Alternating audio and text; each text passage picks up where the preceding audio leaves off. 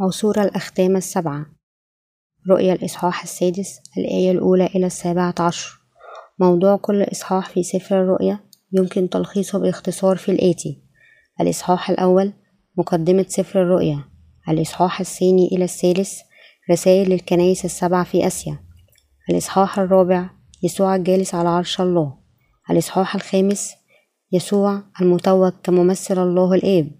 الإصحاح السادس السبع عصور الموضوعة بالله الإصحاح السابع أولئك الذين سيخلصون خلال الضيقة العظيمة الإصحاح الثامن الأبواق التي تبوق للسبع ضيقات.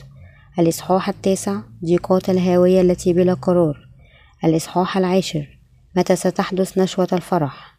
الإصحاح الحادي عشر من هم شجرتي الزيتون والنبيان. الإصحاح الثاني عشر كنيسة الله التي ستواجه معاناة عظيمة. الإصحاح الثالث عشر ظهور ضد المسيح واستشهاد القديسين. الإصحاح الرابع عشر قيامة القديسين ونشوة الفرح وتسبيحهم الله في الهواء. الإصحاح الخامس عشر إلى السادس عشر بدء ضيقات السبع جامات. الإصحاح السابع عشر دينونة الزانية العظيمة التي تجلس على مياه كثيرة. الإصحاح الثامن عشر سقوط بابل. الإصحاح التاسع عشر مملكة يحكمها القدير.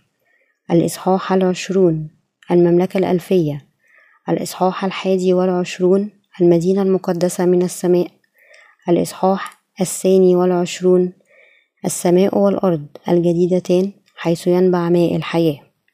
بداية من الإصحاح الأول كل إصحاح في كلمة سفر الرؤيا لديه موضوع وعندما يفتح فهم جميعا يرتبطون كل منهم بالآخر حتى الإصحاح الأخير ذاته.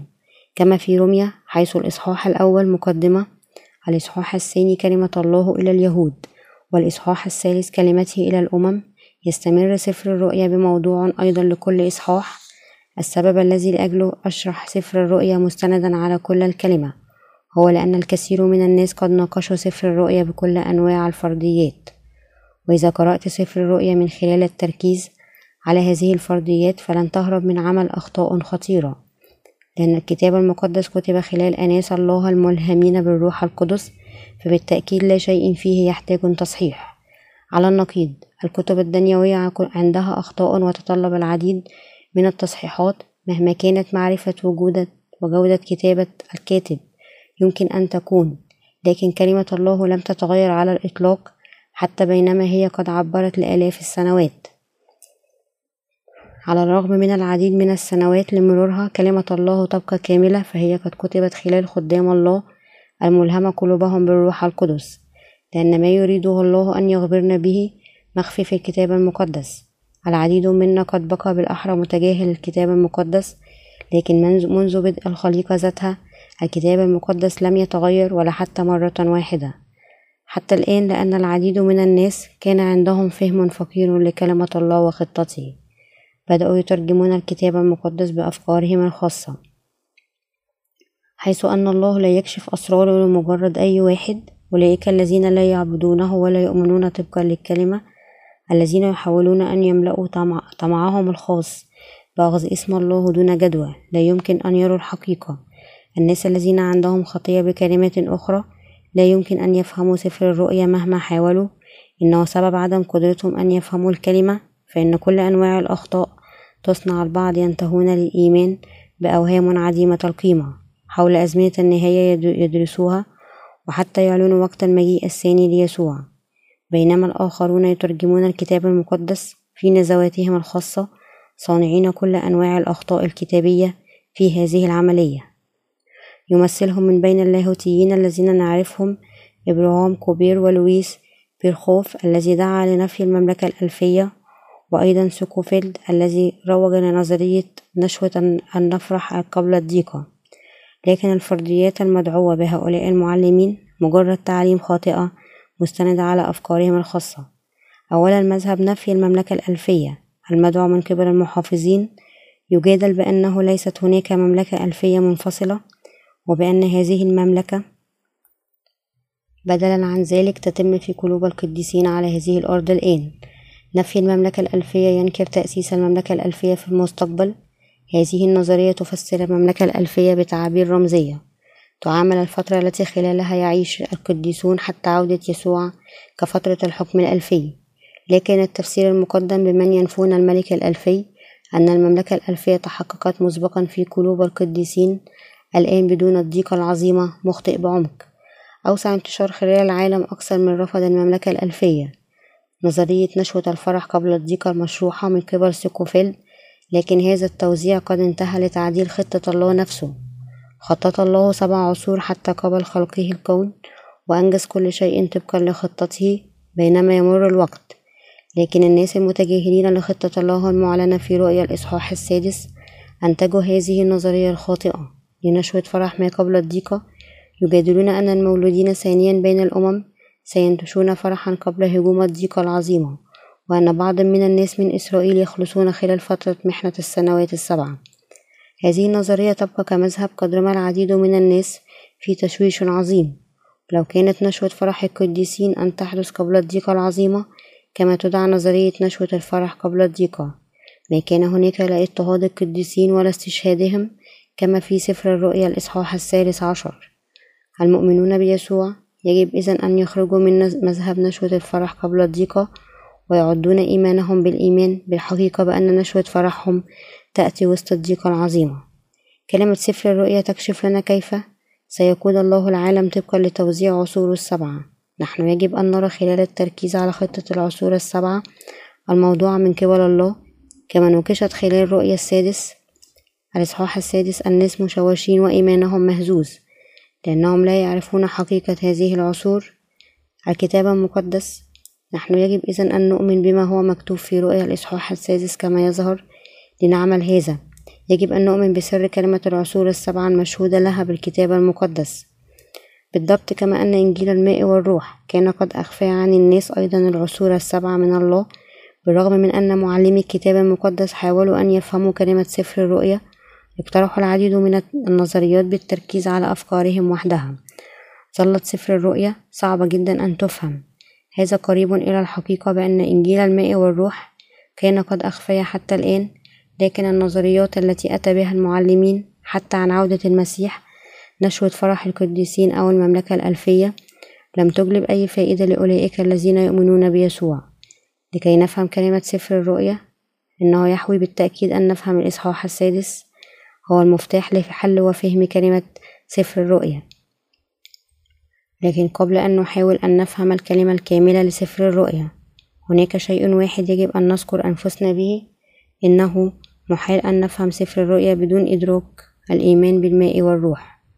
يجب أن تدرك أن حقيقة الله يمكن أن تفهم فقط عندما تعرف وتؤمن أولا بإنجيل الماء والروح إنه ولما فتح الختم السابع وهو مسجل في رؤيا الإصحاح الثامن إن ضيقات الأبواق السبعة ستنحدر على العالم.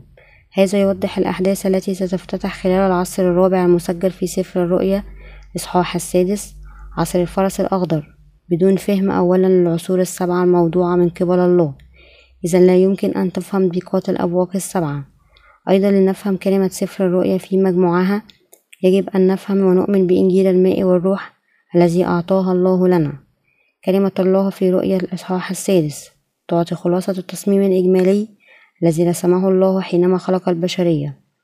الله قسم بداية ونهاية البشرية إلى سبعة عصور مختلفة. هي أولا عصر الفرس الأبيض ثانيا عصر الفرس الأحمر ثالثا العصر الحصان الأسود ثالثا عصر رابعا عصر الفرس الأخضر خامسا عصر استشهاد القديسين ونشوة الفرح سادسا عصر دمار العالم سابعا عصر المملكة الألفية والسماء والأرض الجديدة. نؤمن ونطيع أن الله هكذا قسم خطته للبشرية لهذه السبع عصور. في الحاضر العالم يكون في فترة الفرس الأسود بعد مروره خلال فترة الفرس الأبيض والفرس الأحمر. الكتاب المقدس يخبرنا أن العصر الذي نحيا فيه الآن هو عصر المجاعة لكن عصر الفرس الأخضر قريب أيضا. بوصول عصر الفرس الأخضر يبدأ عصر استشهاد القديسين. الدخول في فترة السبع سنوات من الضيقة العظيمة عصر المحن والاستشهاد وعصر الفرس الأخضر. ولما فتح الختم الرابع سمعت صوت الحيوان الرابع قائلا هلم وانظر فنظرت إذا فرس أخضر والجالس عليه اسمه الموت. والهاوية تتبعه وأعطي سلطانا على ربع الأرض أن يقتل بالسيف والجوع والموت ووحوش الأرض. الفقرة هنا أعطي سلطانا على ربع الأرض أن يقتل بوحوش الأرض. تشير أن ضد المسيح سيظهر خلال عصر الفرس الأخضر ويجعل القديسين شهداء. الأحداث التي تقع خلال فترة عصر الفرس الأخضر مسجلة في رؤيا الإصحاح الثامن الآية الأولى إلى السابعة كما هو مكتوب. ولما فتح الختم السابع حدث سكوت في السماء نحو نصف ساعة ورأيت السبع ملائكة الذين يقفون أمام الله وأعطوا سبعة أبواق. وجاء ملاك آخر وقف عند المذبح ومعه مبخرة من ذهب وعطى بخورا كثيرة لكي يقدمه مع صلوات القديسين جميعهم على مذبح الذهب الذي أمام العرش. فصعد دخان البخور مع صلوات القديسين من يد الملاك أمام الله ثم أخذ الملاك المبخرة وملأها من نار المذبح وألقاها إلى الأرض. فحدثت أصوات ورعود وبروق وزلزلة ثم إن السبع الملائكة الذين معهم السبع الأبواق تهيأوا لكي يبوقوا. فبوق الملاك الأول فحدث برد ونار مخلوطان بدم والقي إلى الأرض فاحترق ثلث الأشجار واحترق كل عشب أخضر. النقاش السابق حول ضيقات الأبواق السبعة في رؤيا الإصحاح الثامن زودنا بتكرار مفصل عن حقيقة عصر الفرس الأخضر المسجلة في رؤيا الإصحاح السادس. هذه الكلمة تسجل بالتفصيل ظهور ضد المسيح. وضيقات الأبواق السبعة والجامات السبع تقع خلال عصر الفرس الأخضر. الإصحاحان الرابع والخامس من الناحية الأخرى يخبران أن يسوع المسيح سيحكم العالم وكل ذلك يجيء الله وأن خطة الآب تنجز من قبل يسوع المسيح كالله. هكذا نحن نكتشف خلال رؤية الرابع والخامس كم هو هكذا قوي وقدير الله يسوع حقا. رؤية الإصحاح الثامن تخبرنا ثم إن السبع ملائكة الذين معهم السبع أبواق تهيأوا لكي يبوقوا فبوق الملاك الأول فحدث برد ونار مخلوطان بدم وألقي إلى الأرض فاحترق ثلث الأشجار واحترق كل عشب أخضر. حينما يأتي عصر الفرس الأخضر ثلث غابات العالم ستحترق وهذه الكارثة ستلحقها ضيقات حتى أكثر طاعون البوق الأول. هو كارثة ستحرق ثلث الأشجار وكل العشب عندما تضرب هذه الكارثة العالم الغابات الباقية ستكون مدمرة أيضا بتأثيرات الدخان الناتج من النار الضخمة خلال ثلث العالم. بدخانه يمنع الشمس عن الأرض المحاصيل ستفشل والعالم بأكمله يلقى في المجاعة العظيمة والموت جوعا. في عصر المجاعة هذا أجر عمل يوم سيشتري فقط ربع القمح أو ثلاثة أرباع الشعير. إن العالم يواجه الوصول الوشيك الآن لهذه المجاعة الغير عادية والموت جوعا. مجاعة هذا العالم تأتي بكليهما الجسدية والروحية. المجاعة الروحية موجودة مسبقا في عالم اليوم. كنائس اليوم تملأ فقط بمسيحيون اسميون عاجزين عن مشاركة الخبز الروحي وحياة إنجيل الماء والروح مع العالم. الناس في كل العالم من أوروبا لآسيا إلى القارة الأمريكية يحيون الآن في عصر دمارهم قليلون في مسيحية اليوم.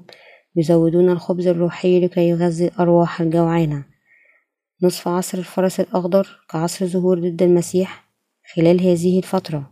كوارث طبيعية ستحول الخبز والماء لسلع نادرة حيث كل شخص يستطيع بالكاد أن يعيش خلال المجاعة العظيمة على الرغم من أن العالم سيستمر بتقدمه العلمي. لكن مقياس الحياة سيسقط فقر مدقع بنوع لم يسبق أن شوهد من قبل. هل الناس الذين يعيشون في مثل هذا العالم سيكون عندهم أي أمنية فيهم أن يستمروا في حياتهم؟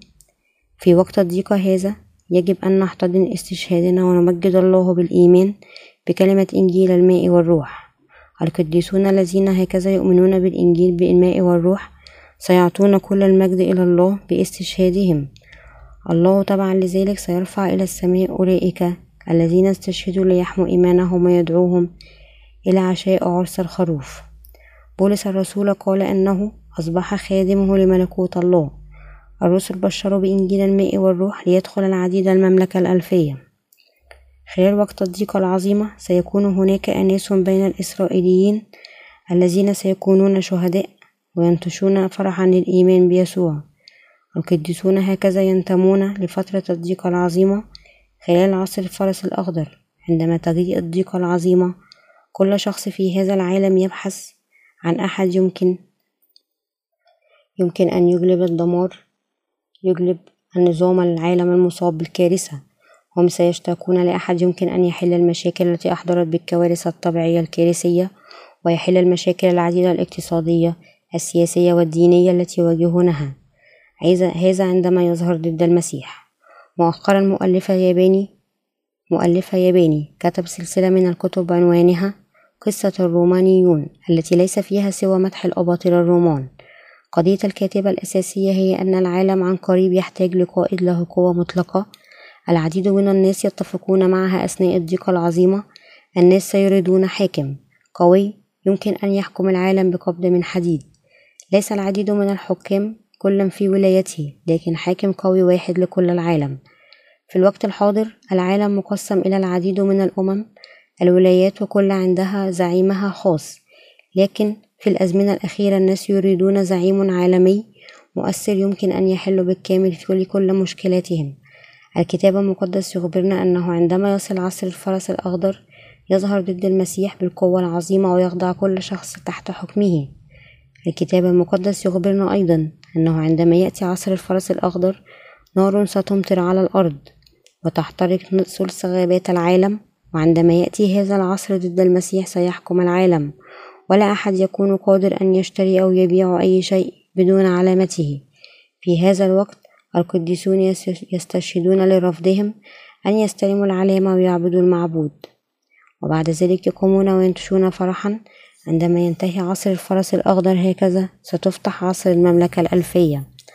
الرب أخبرنا أن دمار العالم والضيق يجيئان قلص نحن يجب الآن أن نعد الإيمان الذي يمكن أن يتغلب على محاكمات الضيق العظيمة والدمار. هذا التحضير محتمل بواسطة الإيمان بالماء والروح لكن أولئك الذين لا هكذا يعدون كل الضيقات والدمار سيسقط على أولئك الذين لا يؤمنون بإنجيل الماء والروح. في هذه الحالة نحن يجب أن نفهم بوضوح ونؤمن أن عصر اليوم هو عصر الفرس الأسود. قبل أن يصل ذلك اليوم النهائي يجب أن نؤمن بإنجيل الماء والروح ونعد للمستقبل. أولئك الذين يؤمنون الآن بإنجيل الماء والروح سيكونون منتشين فرحا باستشهادهم. أولئك الأغنياء لن يستمروا في العيش بالراحة ولا الفقراء يستمروا في العيش في فقرهم. لذلك نحن يجب أن نكون لا حزين ولا متباهين على الأشياء التي تحدث لنا الآن لأننا نؤمن أن عصر الفرس الأخضر وشيك وأن كل القديسين سيكونون من المحتمل شهداء. من وقت لآخر نرى أن بعض الناس حولنا يسببون تشويش عظيم بتحليل توقيت عودة المسيح. يعلنون يومهم الخاص وساعتهم للمجيء الثاني من الرب ويضللون العديد من الآخرين بمثل هذه المزاعم لكن عودة المسيح طبقا للكتاب المقدس لن تحدث حتى يصوت البوق السابع. إذا نحن لا يجب أبدا أن نصنع خطأ.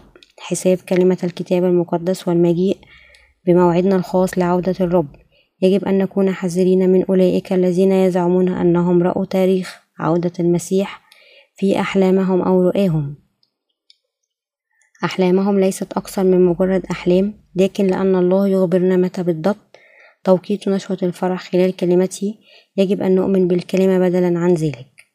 عندما يصل عصر الفرس الأخضر العصر الرابع في رؤيا الإصحاح السادس الشهداء سينهضون مع ضيقات الأبواق السبعة وقيامة ونشوة فرح القديسين تجيء. من المهم أن ندرك أننا نعيش الآن في العصر الثالث من العصور السبعة الموضوعة من قبل الله.